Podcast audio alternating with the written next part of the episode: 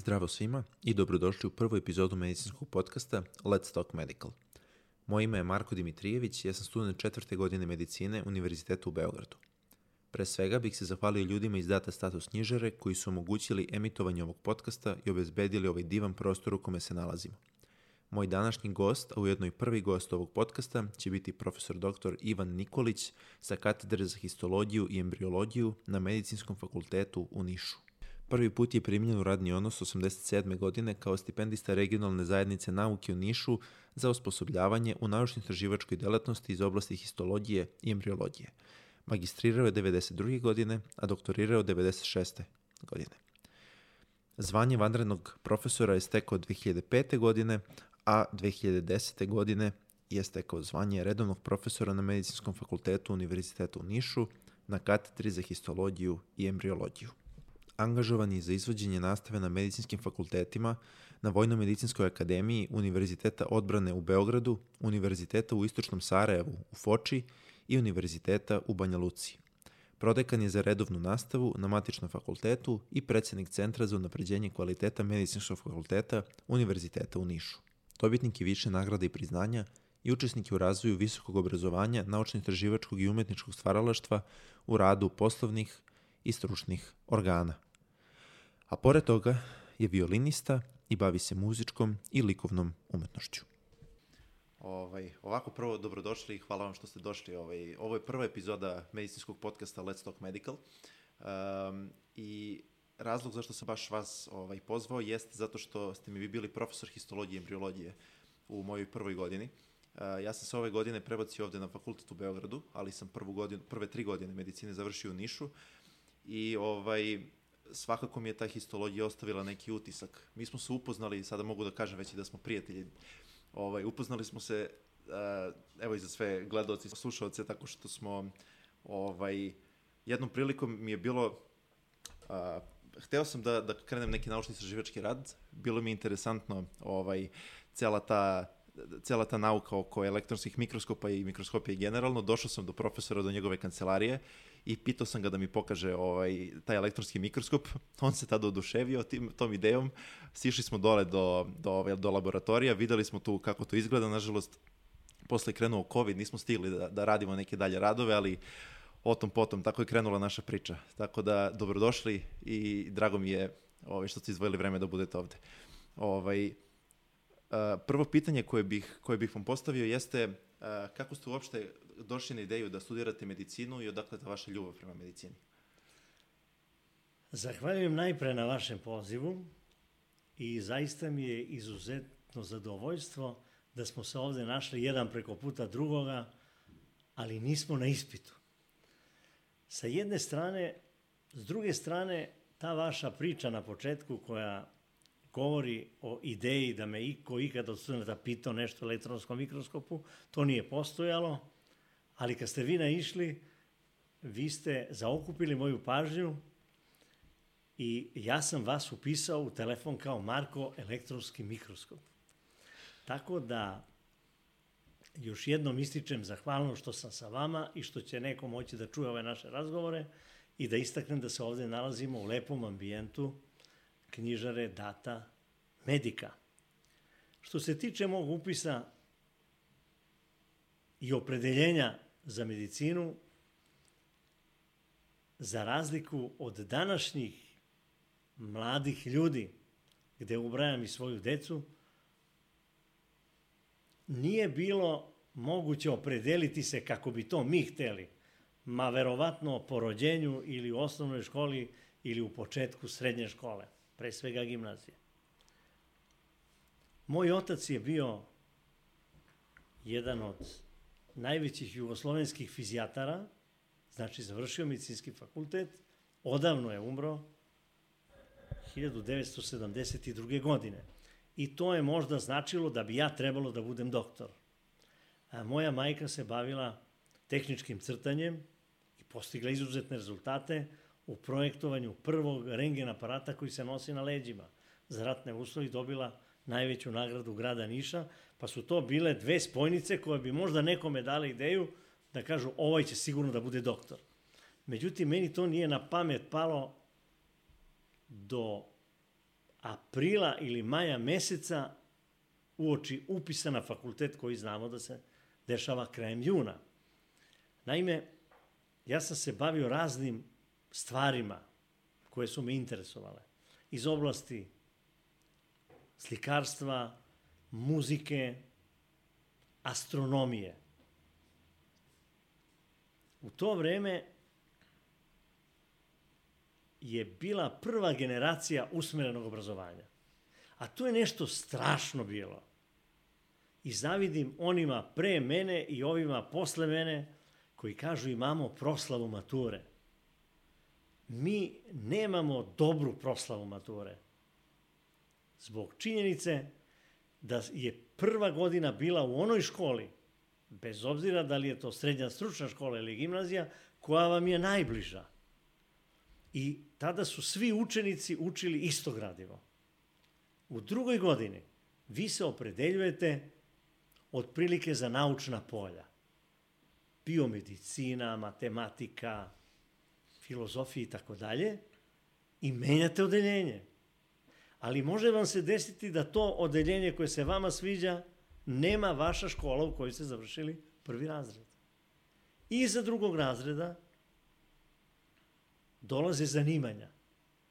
Ali nama kao mladim učenicima nije moglo biti potpuno jasno šta ćemo mi upisati, odnosno ko upisuje fakultet, koji će fakultet odabrati, jer nisu svi smerovi bili prohodni za sve fakultete.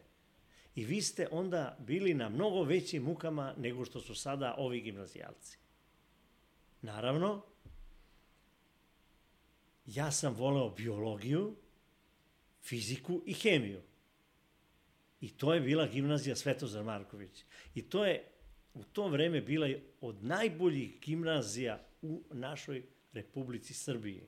Sa eksperimentalnim programom, sa internom televizijom, sa potpuno novom aparaturom, sa teleskopom na vrhu gimnazije, od tuda, između ostalog, interesovanja za astronomiju.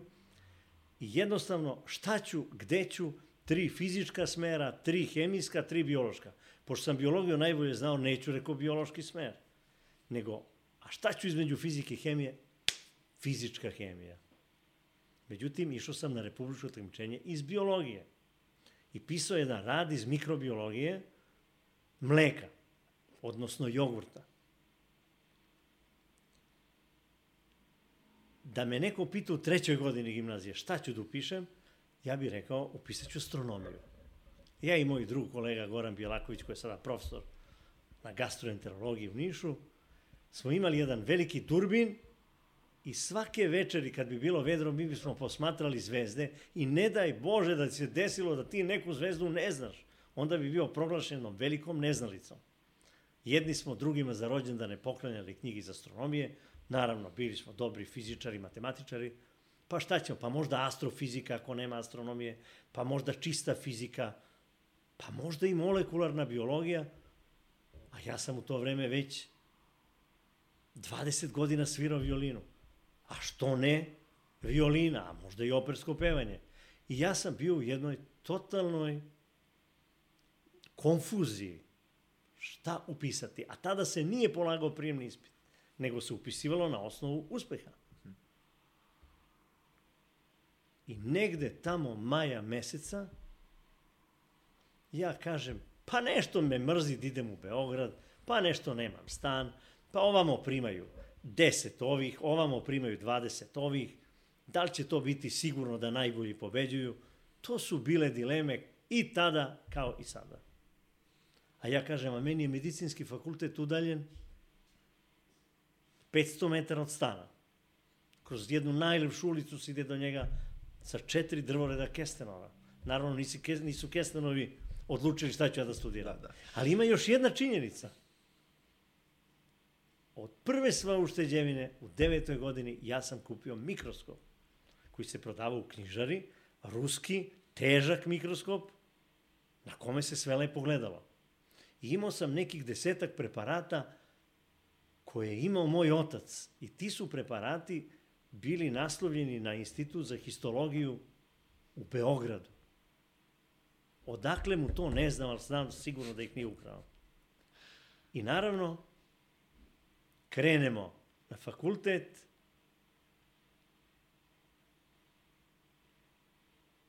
primalo se 240 studenta, prvi na listi imao je 33 poena, a poslednji 32.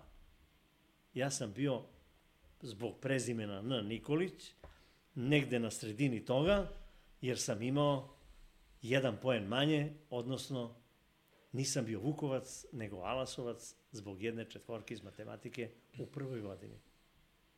Onda je krenuo fakultet, krenuli su profesori od kojih su neki bili ugledni za nas. Na primjer, pokojni profesor Žorić, koji ide sa šeširom, sa odelom, prslukom, satom na lanac. Fenomenalan umetnik koji je držao predavanja i onda davao pauzu. Kolege, samo dva i po minuta. Ličio je na onog junaka u crtanom filmu Baltazar. I mi smo ga zvali profesor Baltazar. Zatim profesor hemije, ugledni gospodin. Pardon, vratit ću se na profesora Žorića. On je nama svake subote držao šest časova dodatne nastave u punoj sali sa 240 studenta. Nije se postavljalo pitanje da li vi želite da idete na predavanje ili ne. Bilo je ugledno ići na predavanje, da se družimo na fakultetu. A opet moja nesrećna generacija promenila tri odeljenja u srednjoj školi, a potom prva generacija usmerenog, dakle, a na fakultetu blok sistem. Ovi naši studenti ne znaju koliko su srećni sada. Znate šta je blok sistem? Blok sistem je da imate januarski rok, da imate junski rok i da imate septembarski rok. Za A da imate ispite. za jednu celu godinu. Kasnije su uveli oktobarski rok. Ali to je nešto bilo samo valjda ako ti ostane jedan ispit i tako dalje. E sad, prvi blok, biologija, fizika, hemija, strani jezik. Uslov za upis drugog semestra jesu položena ta četiri ispita. A potom anatomija, koju je moj otac slušao tri semestra, anatomija, histologija i odbrana i zaštita zemlje, junski i septembarski rok. Ako niste u januaru položili onaj jedan ispit, vi ne možete da upišete drugi blok. Gubite celu godinu. I tu se nije moglo lako znati kao student prve godine Brucoš koliko će njemu da treba vremena da nauči ovaj ili onaj ispit, pa hemija iz tri knjige, pa fizika iz jedne knjige, pa više profesora, pa anatomija strava i užas, pa histologija ništa manja strava i užas, ali ima mikroskop, a ja sam volao mikroskop. I nekoliko nas nije znalo uopšte da postoji klub na medicinskom fakultetu. Tako su tekle studije i tako se učilo, a vi ćete sigurno mene onda da pitate, a ja ne znam da ćete da me to pitate, pa kako ste vi to sad postigli? Ne znam ni sam. Ja nisam išao u medicinsku školu i nisam imao predstavu o anatomiji.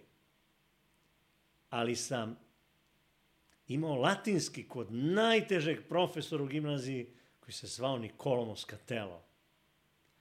Pa mi smo bolje znali latinski nego srpski, a ocene su bile katastrofalne. Srećom bio izborni predmet, pa se ta ocena nije računala u sklopu proseka. I naravno,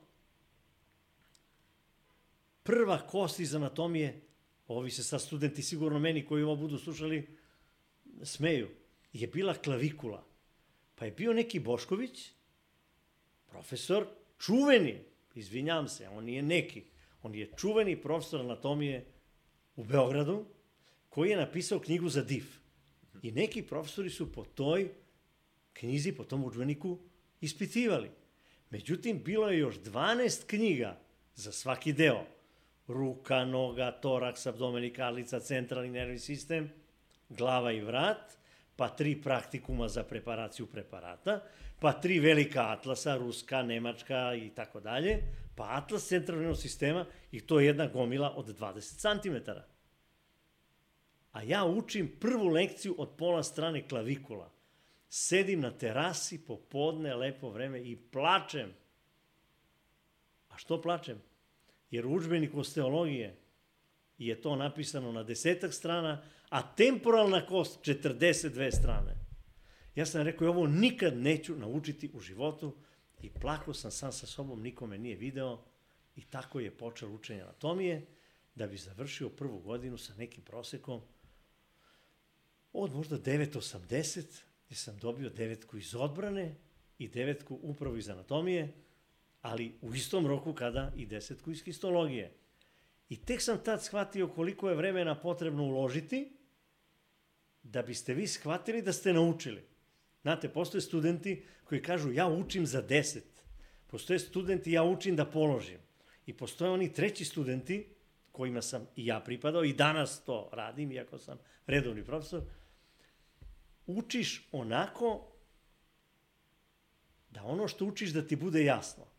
A šta je potvrda da je to jasno? Pa potvrda je ako nekom tvom prijatelju kome to ništa nije jasno i koji nije nikakvo vreme uložio da bi nešto savladao, a zamolite za pomoć, ti se namestiš i objasniš njemu, a njemu bude jasno. Onda si ti naučio. Neki studenti kažu, pa ovo ne pita. Nije važno šta on pita. Važno je da zaokružimo celinu. Ovaj rekao pita iz ove knjige, ovaj pita iz one knjige. Onaj pita iz svih knjiga.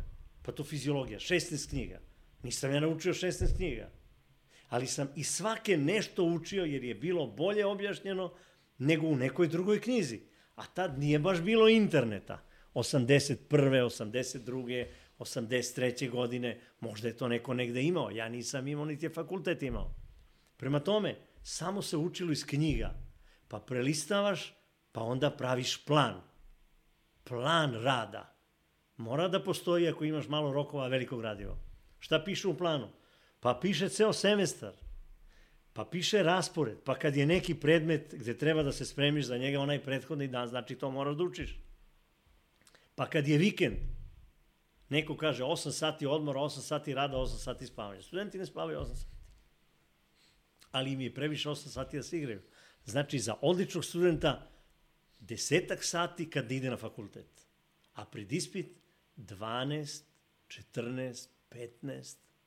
Kako za koga? Neko uči brže, neko sporije, ali ako imate ogroman materijal, onda vi morate potrošiti veliko vreme. I gde je caka? Ono što ste naučili, vi morate neprekidno da obnavljate. Ja nisam za to, a evo jedna knjiga, pa sad da je pređem prvi put. Pa onda pređem drugi put. Pa onda dobijem grip pred ispit. I nema ispitnog roka. Ali sad je lako kad ih ima milion. A tad su bila tri ili četiri. Ode budžet, odoše stipendija, ode sve. Ode mast u propast, što bi rekli. E sad, kako to da izbegnemo? Pa tri dana pred ispit baš moraš da računaš da si se spremio za taj ispit. A, neko uči po ispitnim pitanjima. To nije dobro. To, to je dobro pred sam ispit, da bi student formulisao sebi u glavi šta će da priča ako mu ovaj kaže histološka građa bubrega i čuti. Ali ja ne pitam histološka građa bubrega, nego pitam opišite mi to i to. Tri rečenice. To je to zbog, on kaže zbog toga i toga. Znači jedna dinamika. Zašto? Zato što mi ocenjujemo. Studentov nastup, on je na sceni, kao što i profesor na sceni kad predaje. Njegov pogled, njegovo poznavanje činjenica, njegovo povezivanje tih činjenica u brzom vremenskom roku, on nikog neće da ubije na histologiji. Ali mora da nauči da ima mnogo činjenica u glavi koje može brzo da poveže Jer pacijent koji je krenuo ka komi ili koji je imao neku saobraćenu nesreću, on ne može da čeka da ovaj prelista 25 knjiga i da kaže, e, ovo bismo mogli da uradimo. Diferencijalna diagnoza. Znači, na prekliničkim teškim predmetima studenti treba da izgrade adekvatan odnos prema tom predmetu. Pa onda, da ono što su naučili danas, sutra prvo obnove. Pa desetog dana isto to. Samo prvog dana je učio 8 sati, a drugog dana je obnovio za 1 sat. A desetog dana je to isto obnovio za 5 minuta. A neko će da kaže od studenta, jao, čoveče, pa neću da pričam ovo, već znam, sto puta sam ponovio. Nije tačno. dolaze nove činjenice, stare izlaze iz pamćenja, ali neprekidnim ponavljanjem, neću da kažem da neko uči na pamet, ali to fiziolozi, neurofiziolozi bolje znaju, pamćenje ide preko reverberacionih krugova i, i funkcionišu sinapse po nekom automatizmu. Tako da jedna asocijacija budi priču kao odgovor na neko pitanje. I onda je to sve jednostavno. A onda nastup pred ispit. Kako bi bilo kad bi bilo? Pa vežbanje koncentracije.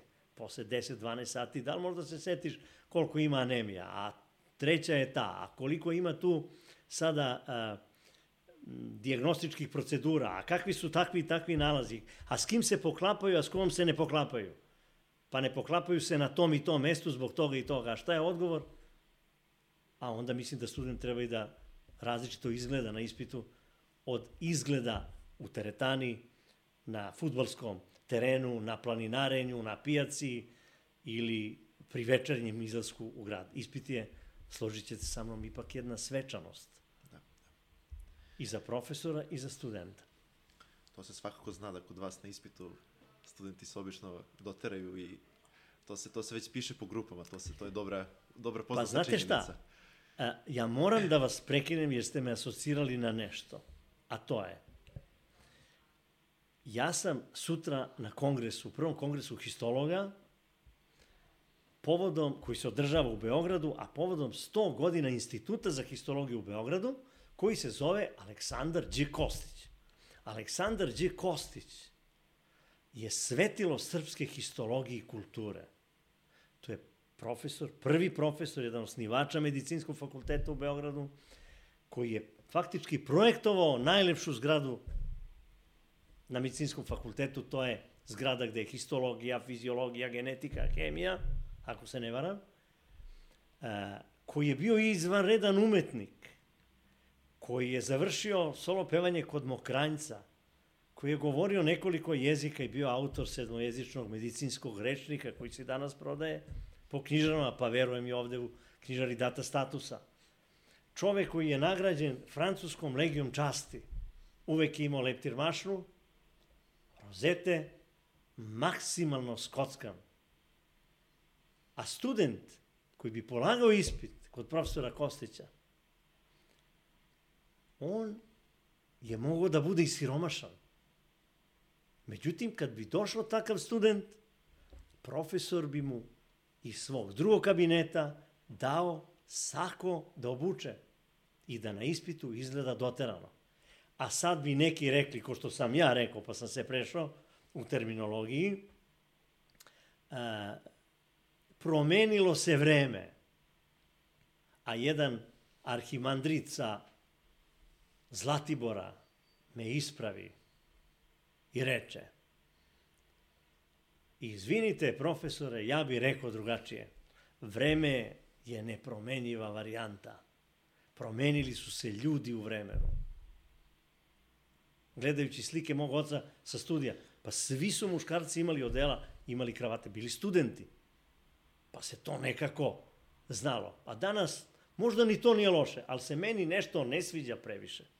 Ja sam prvi put za tu ideju ovaj, oko lepog i pristojnog oblačenja kada se izlazi na ispit ili na prijemni ili na bilo kakvo, ovaj, da kaže, ta, takav tip svečanosti, čuo od o, moje divne profesorke Olge, koja je i vama bila... Predavala je meni hemiju, da. da. Ovaj, to je profesorka hemije, ona drži pripremne časove za a, prijemni u Nišu, takođe je bila i jedno vreme i direktor gimnazije Svetozar Marković, ili ti grobarski u Nišu. Ovaj, ona je tada prvi put predstavila nama tu ideju ja sam se, jednostavno mi je bilo onako prirodno da, da, da, da ispoštujem to, zato što nam je rekla da kada budemo izašli na prijemni, treba da se obučemo kao da idemo na, na najnor, najformalnije mesto koje smo ikada posetili. Samo kaže, samo kravate što vam ne fale. Svi da budete lepo skockani, odeveni, kaže, to će vam uneti dozu samopouzdanja, bit ćete srećni i bit ćete osjećate se kao da, da pripadate tu. Jeste, to je bila divna plejada profesora. Oni su svi bili muškarci u odelima. Profesorke su bile krajnje doterane. Niste smeli da uđete u gimnaziju u patikama ili nekoj provokativnoj garderobi. Na svakom spratu je bio profesor koji bi vas momentalno vratio. Nekad neko zaboravi pa pođe u patikama, mora s druge strane gimnazije da neko baci kroz prozor, a gimnazija je velika, četiri sprata. Međutim, vi ste spomenuli, rekli ste grobarska. I sada ovi naši divni slušalci, pred kojima je meni veliko zadovoljstvo da govorim, mogu da se sad pitaju šta li je ovaj profesor završio. Kaže, gimnaziju grobarsku. Za grobare da, da. gimnazija ne postoji, međutim, u neposrednoj blizini te gimnazije se nalazi staro niško groblje u kome su napravljena velika remek dela postamenata pojedinih ličnosti koje tamo počivaju. Ovaj, još jedna stvar na koju sam samo htio da se nadoveže malo pre. Um, u današnje vreme, kako su muzičke škole sve više i više ovaj, dostupnije, mnogo ljudi pronalazi taj svoj talent kroz, ovaj, kroz muziku i kroz umetnost, pa ako im istovremeno ide i škola i ta umetnička karijera, bilo da je muzika ili slikarstvo ili šta god, ovaj, kada dođu u situaciju da treba da izaberu koji prijemni da radi, ali čime da se eh, bave kasnije u životu, dođu do nekog ovaj, problema sa, sa odlukom. Kako ste vi doneli tu odluku da se ipak ne bavite umetnošću i muzikom, pošto ste vi svirate violinu, tako? Da. Ovaj, kako ste vi odlučili da ipak pravi, ovaj, pravi, pravi korak otići u nauku? Pa nisam ja tad baš znao koliko je velika nauka. Mada smo mi u gimnaziji imali savršene laboratorije koje smo koristili na časovima hemije, fizike, astronomije, e, botanike, ko je bio biolog, jer je tadašnji profesor Bata Spasojević napravio botaničku baštu sa jednim jezerom, sa klupama, u jezeru su živele žabe za preparaciju, znači to je bila vrlo ozbiljna gimnazija. Međutim, svi ti talenti za koje sam Bogu zahvalan što ih imam, oni su i danas u upotrebi. A, dakle, kao muzičar bi verovatno samo se bavio muzikom. Ali meni sad ništa nije smetalo da odlučim, što ipak imam taj mikroskop, nešto me privlači to mikroskopiranje, ne ono klasično, volim da pomažem ljudima. Da, da. Pa naravno da volim da im pomažem. Ali ja im i sad pomažem tako što pokušavam da napravim jedan kriterijum, jedan prilaz, pristup, kako hoćete, studentima da budu ozbiljni u svom radu. Da oni to što urade, da urade kako treba. Jer jedna od, mo, od poslovica koja je često moja baka, ona nikad nije volela da se zove tako, nego se zvala gospođa Olga, predratna, Valjevka, otuda ja imam i malo drugačiju dikciju u odnosu na Niški kraj, govorila je, sinko, sve što radiš, sebi radiš. Ako si nekome pomogao, nemoj da trubiš o tome. Bog ti je zahvalan, pomogao si mu. Ako si nekog prevario, Sebe si prevario. Prema tome dobro promisli šta ćeš i gde ćeš. Naravno, na tu moju odluku niko nije uticao, niko, niko, nikada, ali blizina fakultetu, drugo biblioteka mog oca koja je tada imala stotinak medicinskih knjiga,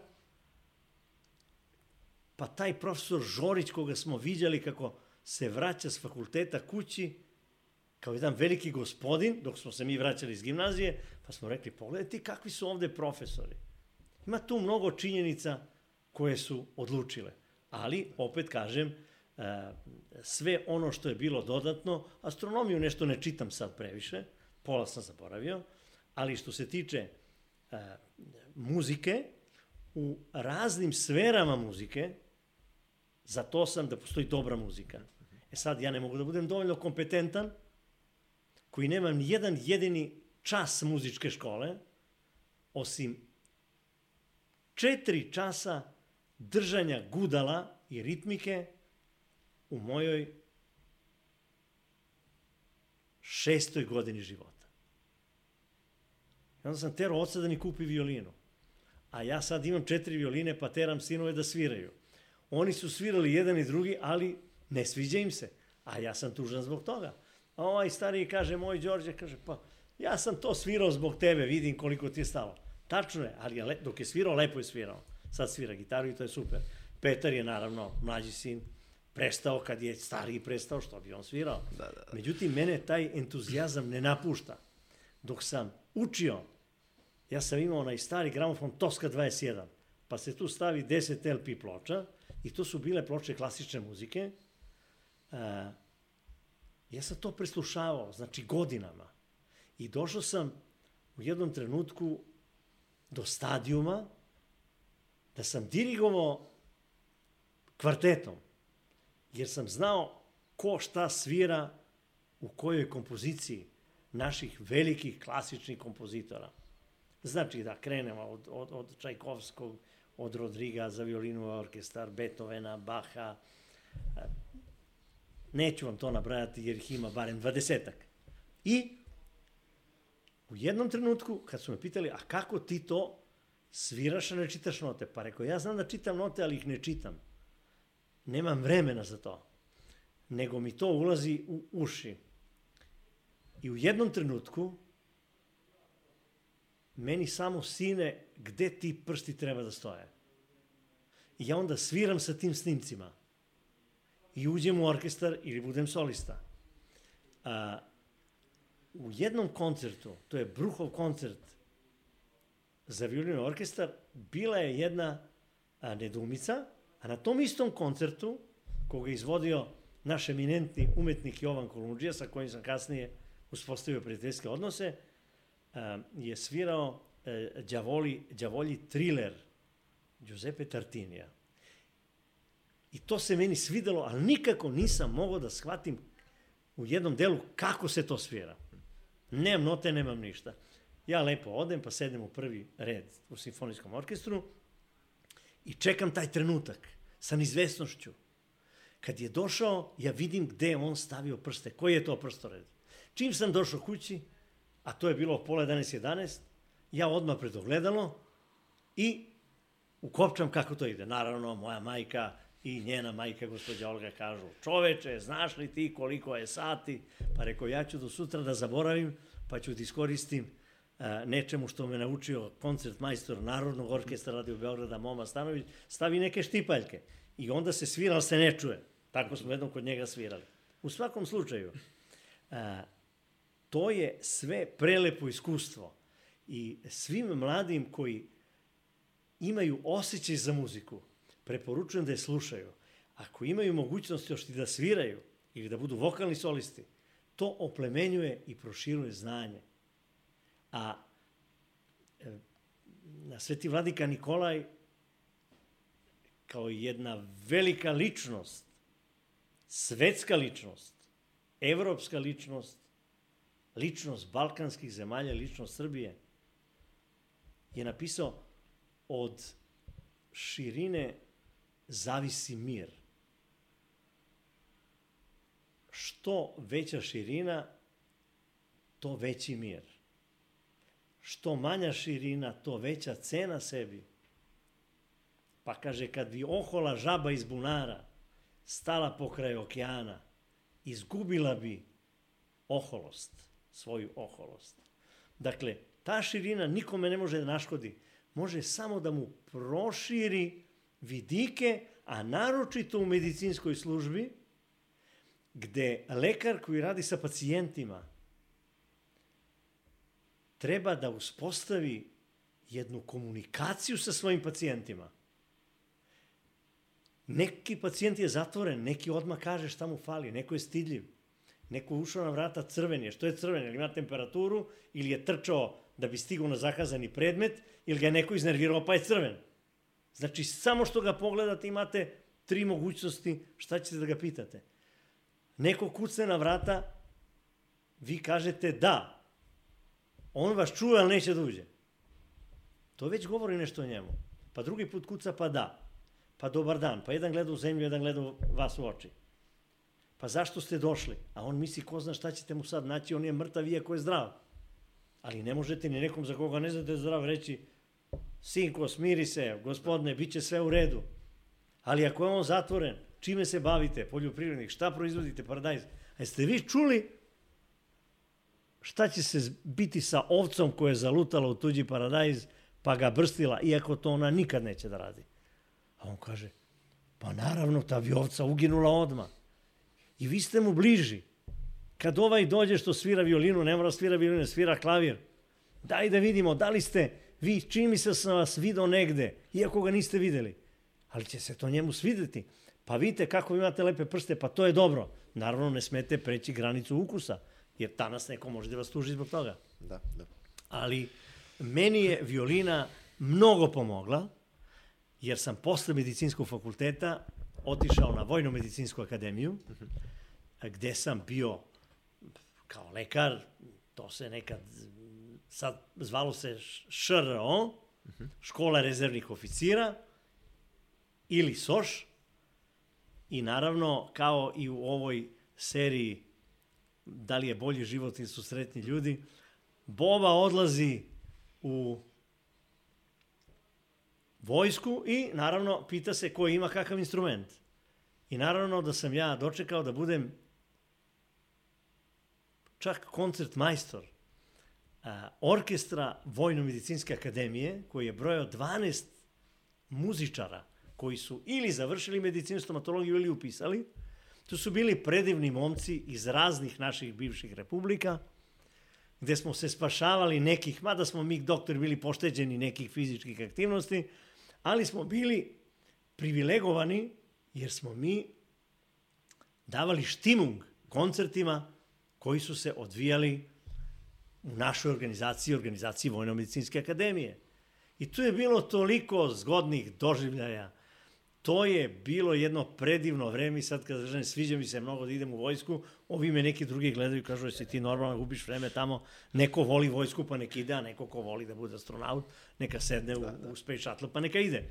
E, u svakom slučaju, vojska, muzika, potom Gradski revijski orkestar u Nišu i najveće, da kažem, što kaže moja supruga Miljana, koja je arhitekta, koja je jedna prelepa, prepametna i predobra osoba, kaže, znaš li ti koji je tvoj najveći uspeh?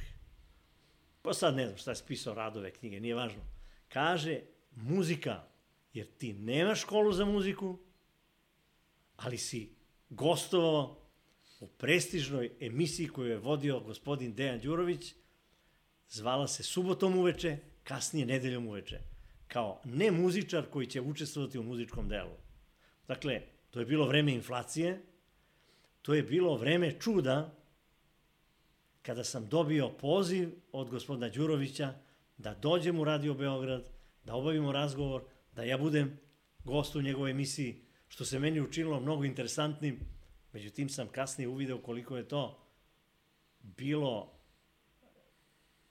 opasno za mene i vrlo profesionalno za kuću kao što je Radio Beograd ili Radio Televizija Beograd, tada se zvala, sad je RTS.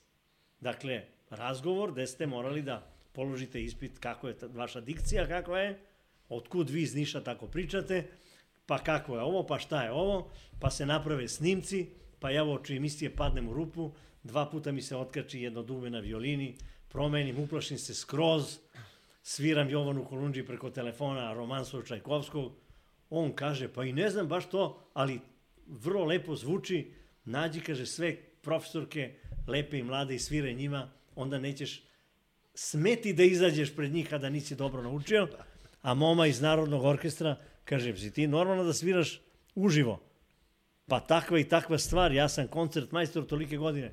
Međutim, ja sam, jedno što sam morao da uradim, ja sam žmureo dok sam svirao, a palili su se svetiljke na četiri kamere.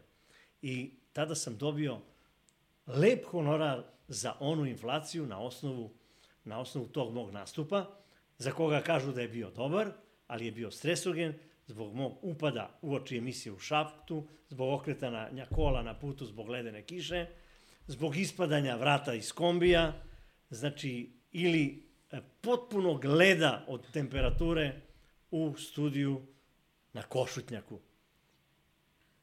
Tu je bilo još nekih detalja koje nisu za ovu emisiju. Da, da, da. Ovaj, hteo bih samo da nastavimo ovu priču o, ovaj, o histologiji, o vašoj prvoj godini.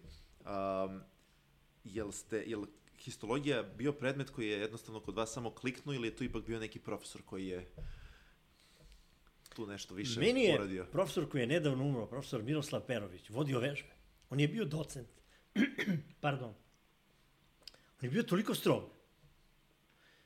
da nikome verovatno nije palo na pamet da bude zaljubljen u histologiju. Zaista je tako. Međutim, na toj histologiji se crta. Pa je to meni bilo zanimljivo, jer ja sam mnoge slike nacrtao, bilo da su stručne ili su neke druge. I kad sam završio prvu godinu, sa prozora šefa anatomije Velje Filipovića se pojavio taj profesor Perović, a mahnuo mi rukom i rekao, javi se kod mene da budeš demonstrator. To je za mene reklo, za mene značilo kao da mi je rekao da ja sutra putujem na mesec. Ja demonstrator. Nemam nikoga da me nešto gura. Sam sam radio.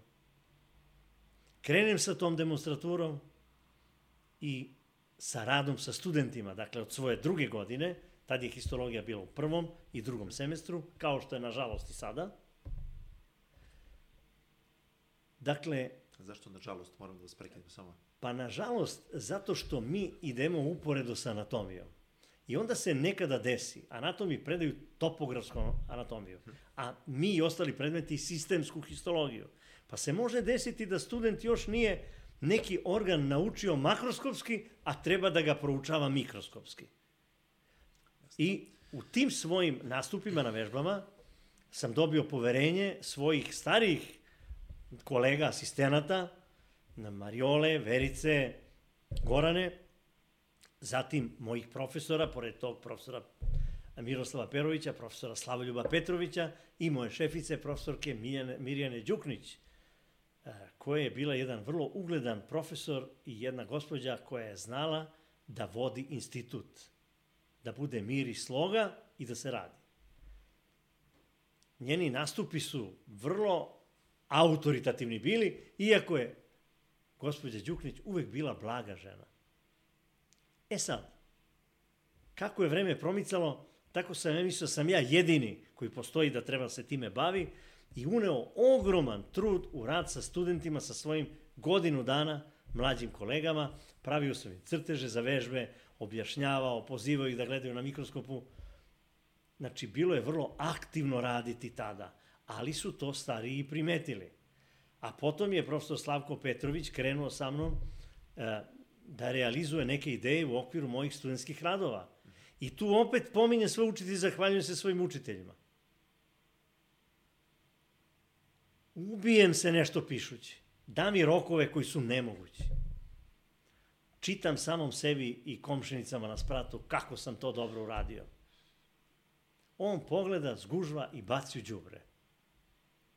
I kaže, ti nemaš pojma, svašta mi ne kaže. Nije za emisiju. Ja dođem kući, hoću da umrem od sikiracije. Da bi posle nekoliko godina on meni kaže, pa to je moj stil. Ja sam vidio da od tebe možda bude i bolje nego što si ti. I to ja, ja kažem, profesor, ali to nije moj stil. Mogli ste samo da mi kažete, Ivane, odlično si uradio, ali mislim da možeš bolje. I ja ću uraditi bolje. To ovi sa vi, profesori violine. Aha. Pa udare đaka gudalom. Pola njih napusti. Pa ne možeš gudalom. Moraš da mu priđeš. A tad sam bio učitelj, tako sam ja makar sebe doživao, kao student prve godine, učitelj druge. Pa sad sam opet učitelj. Pa ja imam učitelje. Pa najveća vrlina među svim vrlinama je zahvalnost. A sveti vladika Nikolaj i on govori o učiteljima. Pa kaže, lako je naučiti životinju. Lako je naučiti prostaka ali je teško naučiti onoga ko je nenaučen, već postao učitelj drugima. Na tom njegovom misli treba da se zamisle svi oni koji nekoga uče i koji se opredeljuju da nekoga uče. Imate profesore koji su izvanredni naučnici, ma koji dobijaju sve moguće nagrade i priznanja. Njima je to sve jasno, pa možda misle da i studentima jasno. A vrlo često sam da studenti žale njih pa kažu ništa ne razumemo šta predaje. Pa i to mora da se, da se izmeri. E, ja opet imam posebnu čast da osim na svom matičnom fakultetu, koja je moja druga kuća, to je medicinski fakultet univerziteta u Nišu, predajem histologiju mojim studentima. Znači, medicina sto nas ima dosta na katedri.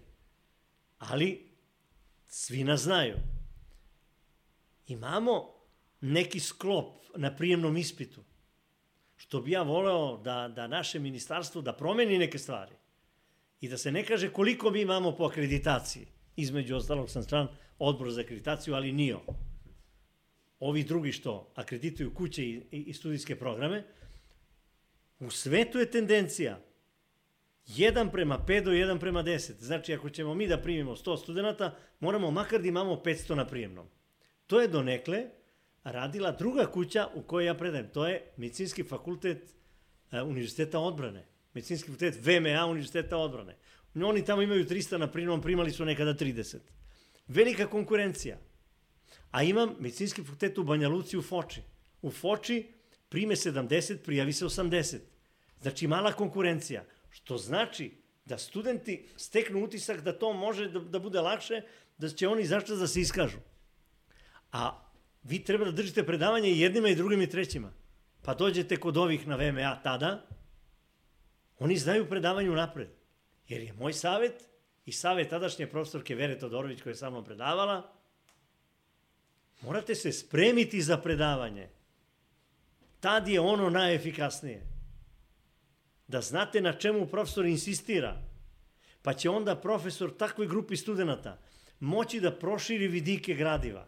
Evo ovde imamo dve neke knjige, imamo i treću, praktikum, osnovna i oralna, treće izdanje, ovo je e, 12. izdanje, ali u ovoj formi treće, odnosno drugo, izvinjam se, preštampano, imamo sedam izdanja embriologije. Pa nije sve za učenje, ali trebalo bi da piše u knjizi a trebalo bi da profesor to objasni. Ali ako imamo na umu činjenicu da je upamćivanje studenta po jednom školskom času 4 do 7%, onda ne možemo očekivati od studenta koji nije upoznat sa gradivom koje sluša, da zapamti na čemu on to treba da insistira. Pa kaže, vodi beleške, pa jeste, ali mnogi stave video bim, pa je mrak. Da li ste vi onda recimo za implementiranje obavezne Uh, obaveznog prisustva predavanjima, na, konkretno na medicinskom fakultetu. Kako, kako je e. vaše mišljenje o tome? Mislim da o tome ne treba diskutovati. Jer u statutima piše predavanja su obavezna. Mhm. Ali, s obzirom na to da sam ja predsednik Centra za, kon, za unapređenje kvaliteta, gde postoje razne ankete, koje studenti, između ostalog u jednom delu resora tog, tog centra, uh. -huh. ovaj, realizuju, Oni kažu, a šta ću ja na predavanju kad on čita sa slajda? A šta ću ja na predavanju kad on prepričava knjigu? A ja se opet vraćam na one profesore.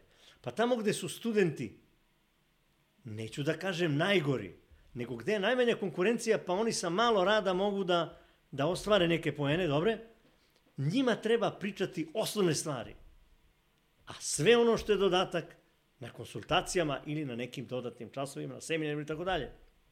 Oni koji znaju gradivo, a dođu spremni na predavanje, njima treba proširiti vidike. Šta sve još tu može da bude? Neke se činjenice nalaze u knjigama, neke ne. A se neke nalaze na internetu, u naučnim časopisima, u bibliotekama, u doktorskim disertacijama i na taj način taj student stiče širinu o tom problemu i može bolje da ga sagleda kod svog budućeg pacijenta. Dakle, Svi su studenti isti, svi su odlični. Ali je pitanje kako ćemo mi njih da animiramo. Pa ako za moje predavanje kažu da ja čitam sa slajda, onda je to pitanje za mog poslodavca. Ili za mene, predsednik da. Centra za unapređenje kvaliteta. Kolega, nemojte tako da držite predavanja. E sad, da je ovo Amerika, on ne bi dobio ugovor za sledeću godinu. Postoje profesori koji se hvale koliko su oborili milion studenta. Ili koji nisu dali nikome ni jednu desetku. Ili to je ono, Bog zna i tako dalje. Pa najveće zadovoljstvo dati studentu desetku.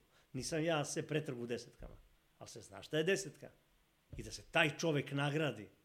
Ali bez upliva nekih van akademskih uh, shvatate šta hoću da kažem. Ovo je moje dete, ovo je pa onda jadna dobra deca nastradaju zbog neke loše dece, jer mi imamo naše kolege profesore koji imaju svoju decu koja su izvanredna i bolja od svojih roditelja. I oni ne smiju da budu nikada prozvane. Ali imate neke koji hoće da se provuku, neko ne razmišlja o tome. Ej, kolega, znate, ovaj, mene to strašno potrese ta, takvo pitanje. Jer imate čoveka koji unapred nešto, nekada neko pita za nekoga, a da taj ne zna da je pitano. I onda se može, e, to da ja nisam pitao, ne bi ti dobio devetku, dobio možda sedam. Možda kod nekog drugog, ali mislim da to nije lepo. Najbolji studenti moraju da znaju da su oni najbolji, ali ne da im se digne spomenik dok su još studenti, nego da im se ukaže poverenje, da im se da zadatak, da im se omogući nešto što je naš profesor Spira Strahinć koji je nedavno umro u 90, ja mislim, 8. i 9. godini. On je primao najbolje studente. Ja sam polagao kod njega, a nisam volao da polažem kod njega. On je bio šef katedre, bio je vrlo ozbiljan, onako, i kad je govorio tiho, bio je strog. Odgovarao sam i dobio sam ponudu. Kolega, ako hoćete, dođite kod mene, međutim, meni su ponudili već na drugoj godini, ne može mi niko ponuditi na univerzitetu, ali je rečeno da bi im bilo drago da ja ostanem na tom predmetu i čak sam delio kancelariju sa mojom starijom koleginicom, koja je kasnije postala šef katedre Vericom. Znači, to je za mene bila ogromna čast. Tako da ja, još nekoliko ponuda koje sam mogao da biram kao najbolji student, sam ja izabrao onu prvu ponudu, jer sam ja dao pristanak. Tu je bilo umetnosti, tu je bilo mikroskopa, tu se lepo priča, može se crta po tabli, što je možda najbolji način predavanja za onu materiju koja može da se crta. Anatomija, neki fiziološki princip, histologija i tako da, dalje. Da, da. Tako u celom svetu. I to su studenti ocenili kao najbolja predavanja. Ja najbolje predajem u Foči. A znate zašto? Jer Foča ima najbolju tablu. Tako da može da primi sve moguće nijanse. Ja onda isplaniram kad mi dođe to predavanje da imam vremena, napravim im, oni svi slikaju, ja dobijem aplauz. Što znači da nije to baš zastaralo, nego da može da bude i tekako, i tekako moderno. Da, da. Ovaj, a tokom tog studiranja, učenja, kasnije i držanja ovaj, tih demonstra, da, demonstratura iz, iz histologije, ovaj, svakako vam je većina dana bila ovaj, provedena pri, pri učenju i pri knjizi. Kada ste stizali da, se, da, da imate prijatelje, da izlazite, da imate neku fizičku aktivnost. Je li bilo uopšte takvih situacija? Pa, boga mi, bilo je, ali po planu. Po planu. E sad, ako kaže, ako ti trčiš po planu, međutim, ja sam trčao, ja sam u bližini jedne rečice koja zove Gabrovačka reka u Levosu Nišavu. Od mene do bedema te reke ima 100 metara. A do Nišave ima još jedno 700-800 metara. Ja sam kao, da kažem, osnovac, srednjoškolac, pa delimično i kao student, svakoga dana pretrčao to tamo i ovamo, bez obzira da li je padala kiša, da li je bio led, kako god, Ivan je trčao. Izlasci su bili, a, tek su počeli kafići za vreme moje prve godine studija. U gimnaziji, Hipi dolina, ulica 50 metara, ovako ne možeš da prođeš, da ideš od kraja do kraja, treba ti 45 minuta od 8 do 10 i to je kraj. To je kraj. U 11 nema TV programa, nema kompjutera. Znači radiš, sutra ideš od 7 u školu, možeš da spremiš to. Oni tamo su neprijatni ako nisi spremio. Na fakultetu, naravno, bilo je futbala dosta, i bilo je vožnje bicikle i eventualno planinarenje. Imamo nekoliko planina, e sad planinaranja ili u Niškom kraju ili u Valjevskom kraju. Pošto imam privilegiju da mogu da budem svake godine malo i u Valjevu, izlasci s drugarima. Vrlo redko, to je taj korzo da vam se neko svidi, da imate simpatiju, pa ste streli sad, pa da li ćete za dve nedelje ili za tri, ali svejedno vi ćete se prošetati hipidolinom, da, da vidite šta ćete. Pa onda bude zaljubljenost, ali zabavljanja vrlo redko bilo. Vrlo je redko bilo. I oni koji su zabavljali, oni se posle uzeli. Zašto? Pa nemaš vremena. A naš veliki naučnik, filozof, teolog, muzičar, kako hoćete, Miloš Vesin, ima jedno divno predavanje o vremenu, pa u prvoj rečenici, gde si, gde si Milane? Tu sam, Jovane, žurim, nemam vremena. On kaže, nije vreme tvoje. Vreme ti je dao. Bog ti treba da ga upotrebiš. Pa nekom je jedna godina bez veze, a nekom je jedan sekund važan, jer je tamo neki kandidat za svetskog prvaka u plivanju za 0,01 sekundu uh, ostao bez olimpijske medalje. I to je bilo dovoljno da on prestane da pliva. A neko je zakasnio pet minuta na autobus, pošao iz Niša u Beograd, zvao ga sudija, zvao ga advokat, otišao autobus, propade mu novac, on zakasni. Njemu je pet minuta mnogo važno. Vojnik koji provede godinu dana ili nekoliko meseci manje u vojsci, pa se, kažemo, skida, razdužuje se, sutra, a oni mu kažu, ne sutra, nego preko sutra. E, taj je njemu dan kao jedna godina. Tako da je vrlo relativno, što je Einstein najbolje opisao u svojoj relativnoj teoriji, odnosno teoriji relativiteta, ima one dve, da. jedna se uči u školi, druga malo manje, ali je on opisao te, te slučajeve brzin, e, kretanja brzinom svetlosti u liftu, na ulici, tamo ili onamo. Prema tome, bilo je vremena za muziku, svakog dana sam ja svirao jedan sat, nacrtao neku sliku, ali je meni bilo lepo.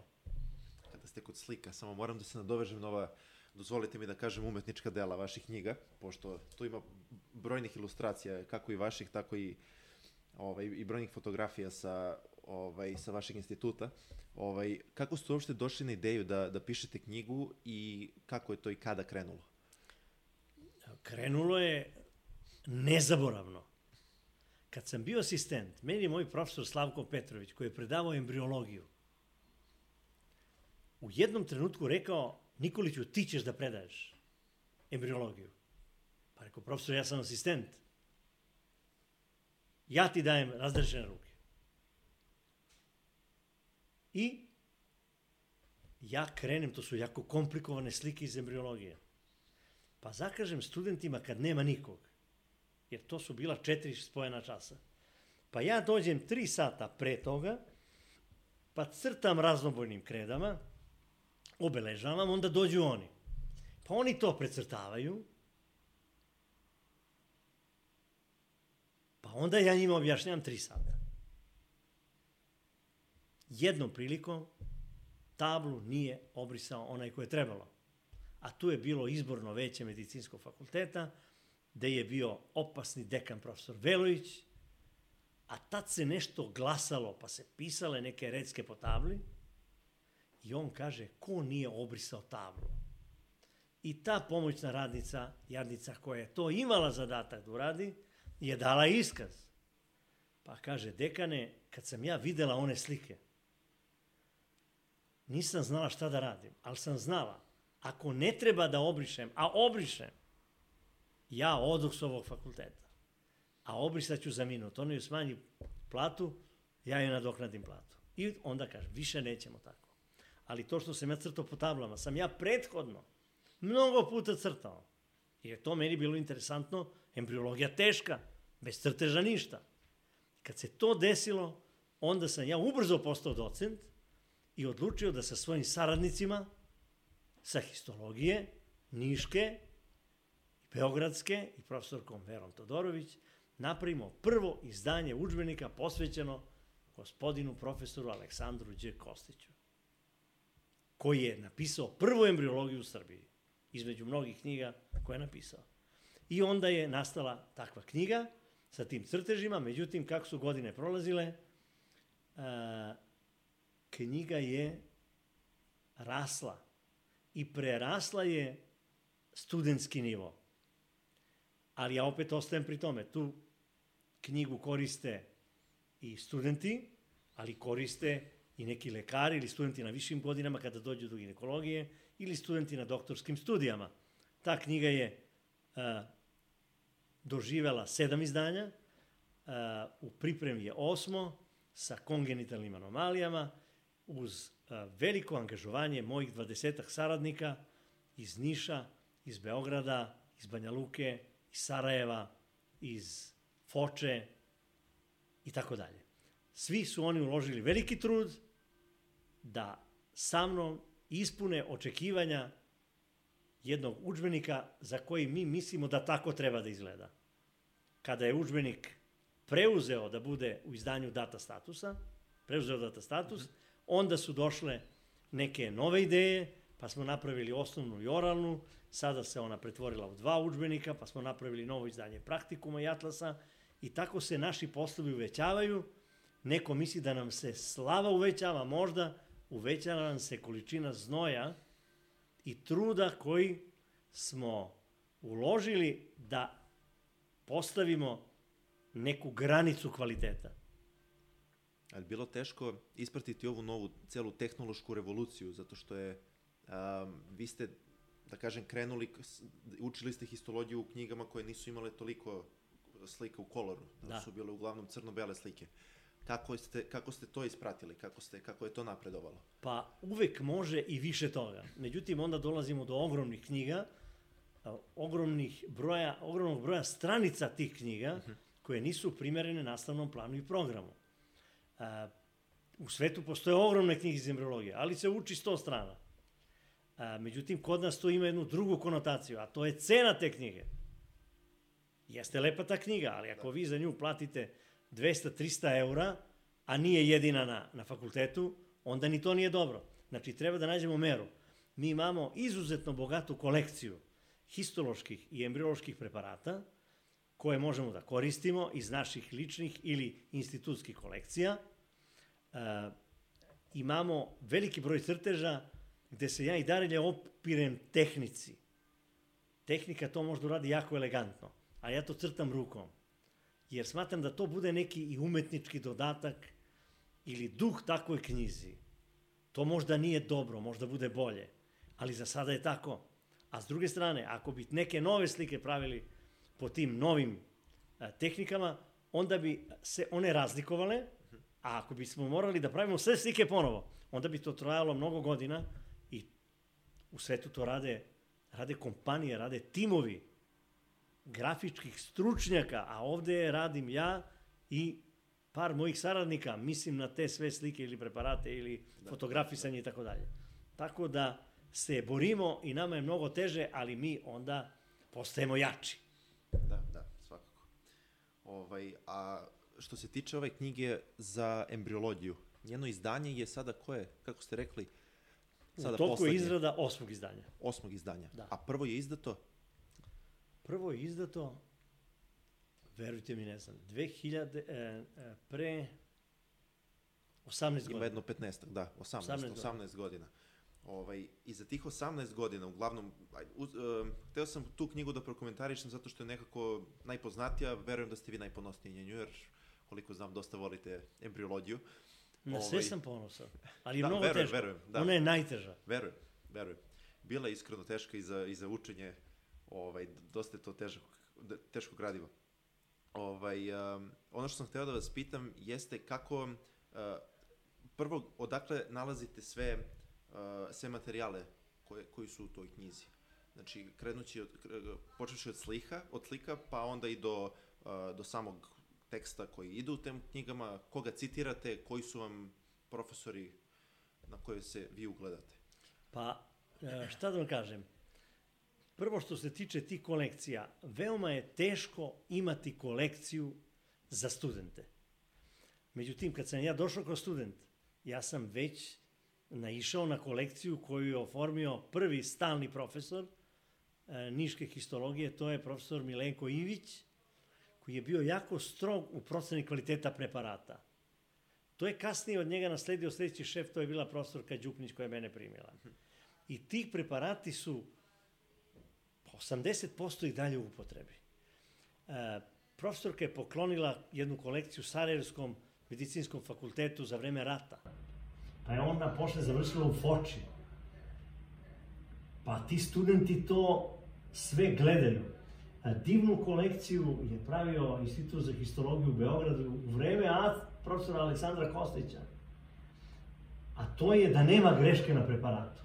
Tako da ja imam preparate koji su neki iz kolekcije Beogradskog instituta, neki iz kolekcije Sarajevskog originalnog instituta, neki iz Banjalučkog instituta, neki iz kolekcija jednog od naših najuglednijih, najvećih histologa, profesora Radivoja Krstića, koji je u Lozani, sad odavno je već u penziji, koji je napravio četiri knjige i crteže u 3D.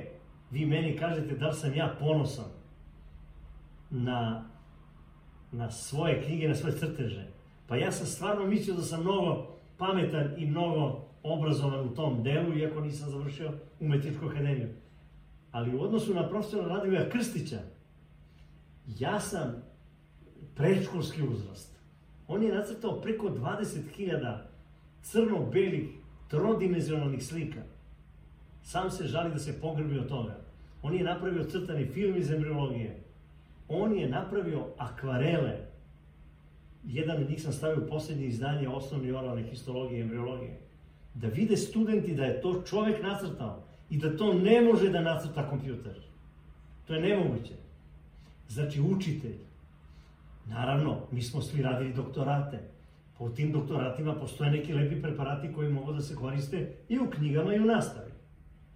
I od tuda je a, najveći ponos na sve ove naše učbenike koje smo napravili činjenica da su oni satkani od mnogih tekstova najboljih svetskih učbenika i odgovarajućih naučnih radova, pre svega preglednih u naučnim časopisima, ali u praktičnom dokumentacionom delu od isključivo naše dokumentacije.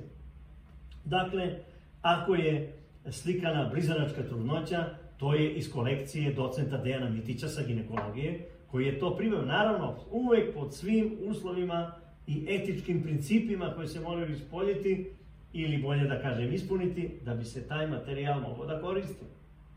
Obdukcioni materijal i tako dalje. Dalje, e, ako se radi o preparatu histološkom, on nije uzet sa interneta, pa sakriven, neko je on, naravno u saradnji sa našom izdavačkom kućom, a to je Data Status, u čiju knjižari ovde sedimo, da ne sme niko sutra da nađe manu ili da kaže da je nešto, ne daj Bože, pokradeno ili zloupotrebljeno. To ne može da se desi. I najlepše je kada učbenik nastane iz iskustva autora tokom višegodišnjeg rada i koje je to, da je to iskustvo primenjeno u izradu takvih dela. Onda je autorima jasno, vrlo često neki autori napišu nešto u nekoj knjizi, a da nije do kraja razjašnjeno jer nisu imali dovoljno vremena da i sami potraže ili razjasne neku činjenicu. Pa studenti to nauče, onda dođe neko drugi i kaže objasnite to kolega, zašto je to tako? Pa ne pišu u knjizi, pa piše ovde ili onde, pa ne možeš ti ceo dan da stojiš na internetu i da, da pretražuješ raznorazne informativne um, banke. Znači, dalje, u naučnom radu, moja prva komšinica je bila pokojna profesorka Mileva Ilić iz Beograda, koja je bila fiziolog. Ona me je učila eksperimentu. Koliko puta mora se ponovi eksperiment da bi bio validan rezultat da se može objaviti u svetskom časopisu. A to je bilo pre 30 godina. Oprostite, nije ponovno. Dalje, profesor Slavlju Petrović, koji je jedan filozof teoretičar, koji ni od čega osmisli temu za tri disertacije, I ljudi rade godinama da to realizuju. Njemu samo naviru ideje. Pa kako? Pa prevedi to sa nemačkog. Pa ja ne znam nemački. Pa ne interesuje. Ma ima da sjediš da učiš. Pa sam pokupio neke atlase na nemačkom. Pa zatim profesorka Katić sa patologije. Čemu me je ona naučila? Ona me je naučila kako da napravim kratko pisanije o nekom radu, a da pogodim sve strukturne delove tog rada i da izložim to na kongresu, gde nastupam ne tako da ljudi vide koliko sam ja i moja ekipa smo pametni, koliko smo mi uradili milion preparata, šta smo mi to sve doprineli, pa da ne mogu da, da to predavanje smestim u određeni termin, pa onda pričam brzo, pa me niko ne razume. Ne. Dva minuta je dovoljno. Mi smo na tom i tom materijalu primenivši tu i tu metodu, dobili to i to. Do sada to niko nije uradio ili je uradio na ovaj ili na onaj način, a naš doprinos nauci u toj naučnoj disciplini, oblasti, polju i tako dalje, čini ova činjenica, pa dramska pauza dok svi vide šta vi pokazujete, pa onda kažete to je to, to, to i to. A neko kaže, pa kolega, ali niste zaključce, a, a, a diskusija, ma ne treba mi, ovo su svi čuli zapamtili. A koga interesuje, on će u diskusiji da postavlja pitanja, pa ću ja da razvezujem priču kako ja hoću, a da opet ne budem dosadan jer nisam ja tamo jedini, nego ih ima dosta. Znači, profesorka Vera Todorović koja je ovde u našim knjigama, profesorka Lačković, one su u penziji, imaju spektar svojih mnogobrojnih radova, članaka, knjiga, monografija.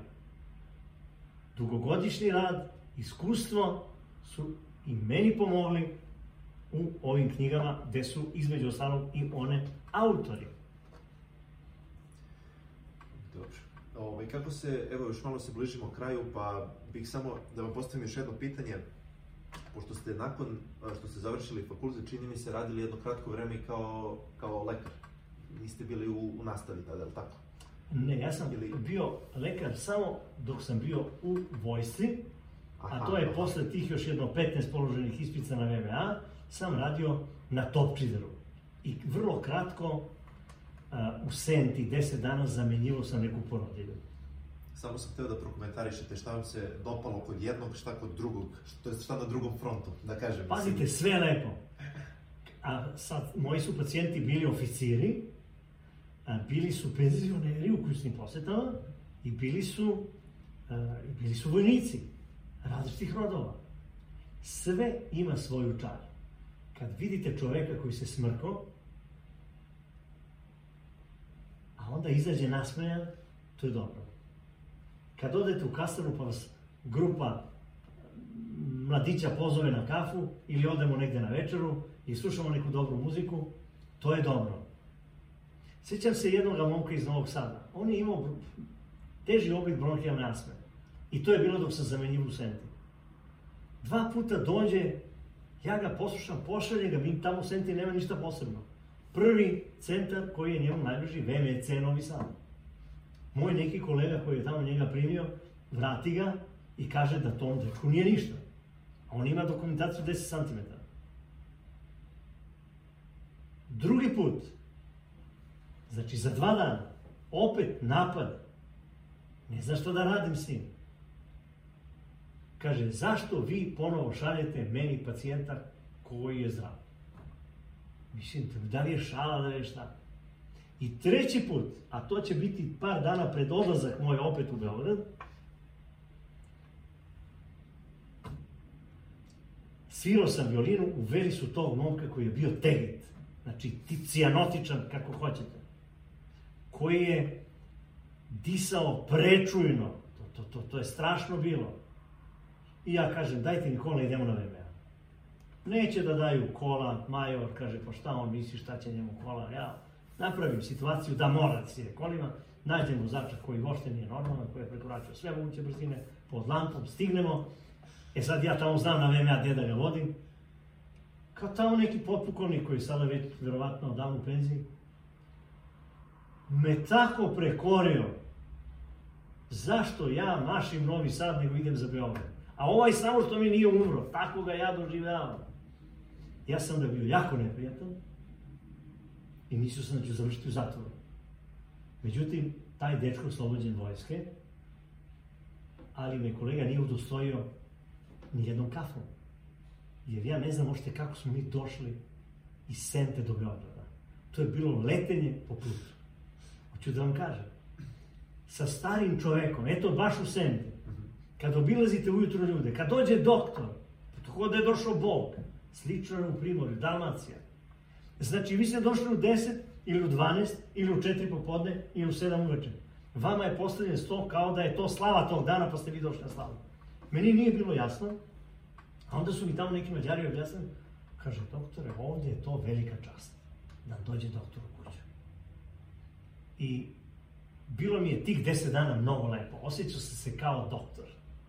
Ali ne smatram da je manje značajno da učimo studente. Možda sam mogao da budem na nekom kliničkom predmetu, na primjer da budem na internoj gde je bila ponuda, ili da nasledim svog oca koji je bio fizijatar i koji se proslavio tako što je, ajde, bio veliki drugar, bio je veliki džek, bio je veliki bojem. Stotina kletir maša sam od njega nasledio i dugmeta za košar i tako dalje. On je dobio za pacijenta moju majku, koja je bila na ekskurziji u Ulcinju, 50 i neke godine, i dobila je dečju paralizu. I skoro da je više puta bila na putu do, do, do smrti, ali do kolica sigurno. I onda je na infektivnoj klinici, ona naravno iz Valjeva došla u Beograd, na infektivnoj klinici bio profesor, ako se ne varam, Kosta Todorović, koji je bio dekan medicinskog teta i po kome se zove infektivna klinika, i rekao je, daj ovu lepoticu da negde pošaljemo, preživela je, nek idu u Nišku banju, tamo su bili dobri na fizijatriji, za oporavak tih bolesnika koji su bili nepokretni. Naravno, pre toga bolovi, temperature i tako dalje. Moja majka bila ko filmska gumica, bila zgodna, bila kako hoćete. Ja ne znam na koga sam. Dakle, moj otac se zaljubi u moju nepokretnu majku. I oženi se njome dok je bila nepokretna. A potom su novine pisale u Nišu, u jednom fizijatrijskom centru, u obližnjoj Niškoj banji, postoji neki doktor Radomir Nikolić, koji je pacijentkinju od totalne nepokretnosti doveo u stadijum da može da trči, što je bila istina, i onda je njegova slava porasla. Međutim, nije lepo kad je neko slavan, ali je lepo čoveku kad vidi da su drugi ljudi zahvalni i sa toplinom i ljubavju vas posmatraju. Naravno, ta toplina je kratko trajala. U mojoj devetoj godini on je dobio jednu stravičnu leukemiju i bez obzira na to što su ga lečili naš čuveni profesor Jeftić u Nišu, pa zatim akademik Stane Stefanović u Beogradu i na kraju predsjednik Francuske akademije nauka Jacques Bernard, on je od dijagnoze do smrti proživeo 9 meseci.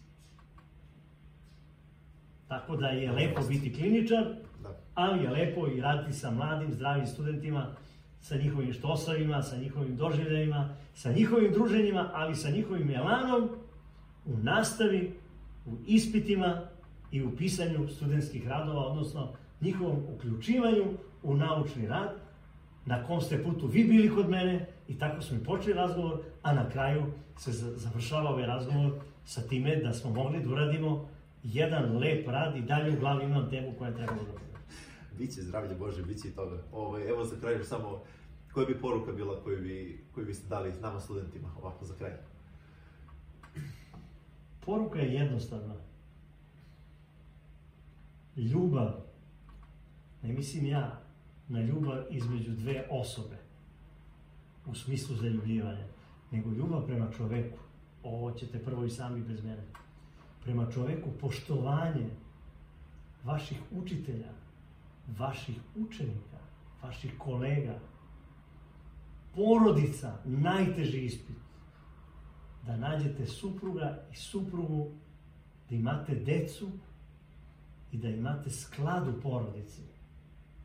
A u profesionalnom delu da budete posvećeni svojoj profesiji i da odlično znate svoju profesiju. Da neprekidno čitate ili budete u komunikaciji sa ovim ili onim, da ako možete odete negde na usavršavanje, da nekakvu novu, novo iskustvo steknete, nekakav a, nov jezik naučite i da volite umetnost. Ne morate da je volite, ali da je makar, da budete svedoci te da umetnosti. Da. Odlično. Drago mi je da smo ovo odradili, hvala vam i to je to, vidimo se prijatno. Hvala najlepše.